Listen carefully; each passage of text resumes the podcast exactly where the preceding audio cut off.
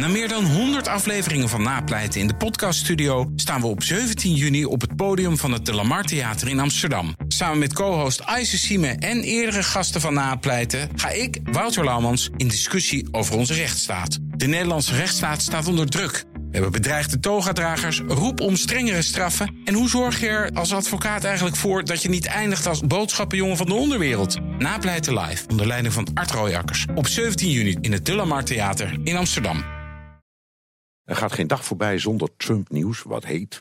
Nu meldt Reuters een verhaal over Russische contacten van de Trump-campagne. Ja, en dat is waar we het natuurlijk al, al eigenlijk weken over hebben. Hè. Het zou gaan om 18 telefoontjes en ook e-mails die, die eh, plaats hebben gevonden in de laatste zeven maanden van de verkiezingen. Dat contact zou ook nog eens een keer intensiever zijn, zijn geworden na 8 november. Vooral tussen Mike Flynn, dat is die nationale veiligheidsadviseur die al uh, uh, ja, ontslagen is, en de Russische ambassadeur Kislyak, die ook laatst op bezoek was in het Witte Huis. Hè.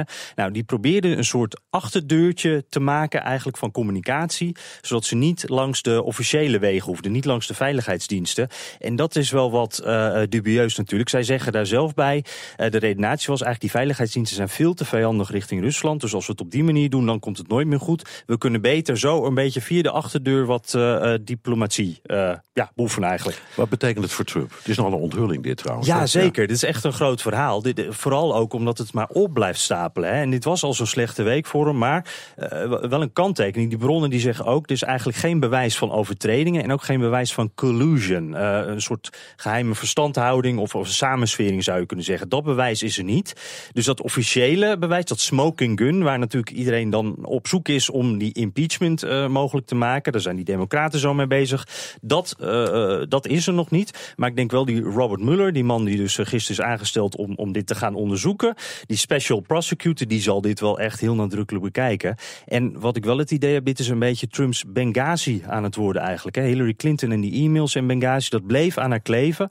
Op een bepaald moment maakt het niet meer uit of dat nou uh, echt een probleem was of niet. Het was er gewoon. En, en, en, en dit hing aan Clinton, zo ja, blijft dit ook aan Trump. Aan de andere kant kan je zeggen, er staat op uh, het Witte Huis en in het Kremlin een beroemde rode telefoon. We denken al dat die rood is voor zulk rechtstreeks contact. Ja, ja. Dus het is op zichzelf niet verboden, toch? Nee, op zich dat contact dat, dat mag ook gewoon. Maar wat dan gezegd wordt, uh, en daar worden ook uh, echt wat experts, deskundigen worden daar uh, genoemd die wel met naam en toenaam in de krant staan. het is vooral opvallend hoeveel contact is geweest. Vooral omdat Rusland natuurlijk een land is waar spanning mee is. En er wordt bijvoorbeeld, ja, hij is een soort staatssecretaris van Buitenlandse Zaken die zegt van dit is toch wel heel zeldzaam. Zoveel telefoontjes naar een land dat we als een soort tegenstander, als een vijand eigenlijk zien. Dat is toch wel een beetje gek. Dat is op het randje. Zijn er al reacties? Het is nog vroeg in uh, de Verenigde Staten. Zou die al wakker zijn, ja, Donald Trump? Nou, ik heb nieuws. Hij is wakker. Vertel. Ja, uh, en dan uh, het eerstvolgende wat er dan gebeurt zijn tweetjes, Donald Trump. Um, hij tweet vooral over die speciale aanklager. Hè? Die is uh, gisteren aangesteld. De, eerste wat hij tweette met al die illegale dingen die de Clinton-campagne en de Obama-regering hebben gedaan, is er nog nooit om een special prosecutor gevraagd. Dus waarom nu wel? En de mooiste vond ik: This is the single greatest witch hunt of a politician in American history.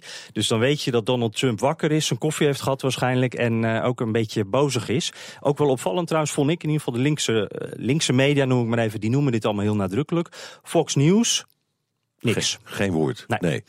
Uh, opmerkelijk trouwens. Het was veel verstandiger geweest, denk ik, als Donald Trump niks had gezegd of gezegd ik ben onschuldig, dus ik wacht dit rustig af, niks aan de hand. Ja, zoals zo vaak. Als Donald Trump gewoon zijn mond had gehouden ja. en, en, niet achter die tweetknop was gaan zitten, dan uh, ja, was het misschien wel anders geweest. Nou is het, jij en ik volgen dit elke dag en ik ben ervan overtuigd, onze luisteraar ook, maar het wordt wel bloed ingewikkeld. ja. Ben jij nou in staat, of ken jij iemand die het hele verhaal nou een beetje in één zinnetje kan samenvatten? Ja, nou ja, daar ben ik even naar op zoek gegaan, want het, het wordt inderdaad, het stapelt zich maar op. Elke dag, uh, elke uur bijna hebben we weer iets nieuws, iets geks, iets raars en het een is nog gekker dan het andere. Maar als je het dan toch in één keer samengevat wil hebben, Stephen Colbert. You know the old saying, elections have consequences? Right now, we are knee deep in a steaming pile of consequence. Ook Thomas van Zeil vind je in de BNR-app. Je kunt live naar mij luisteren in Zaken doen. De BNR-app met breaking news, het laatste zakelijke nieuws... en je vindt er alle BNR-podcasts, bijvoorbeeld Het Nieuwe Geld. Download nu de gratis BNR-app en blijf scherp.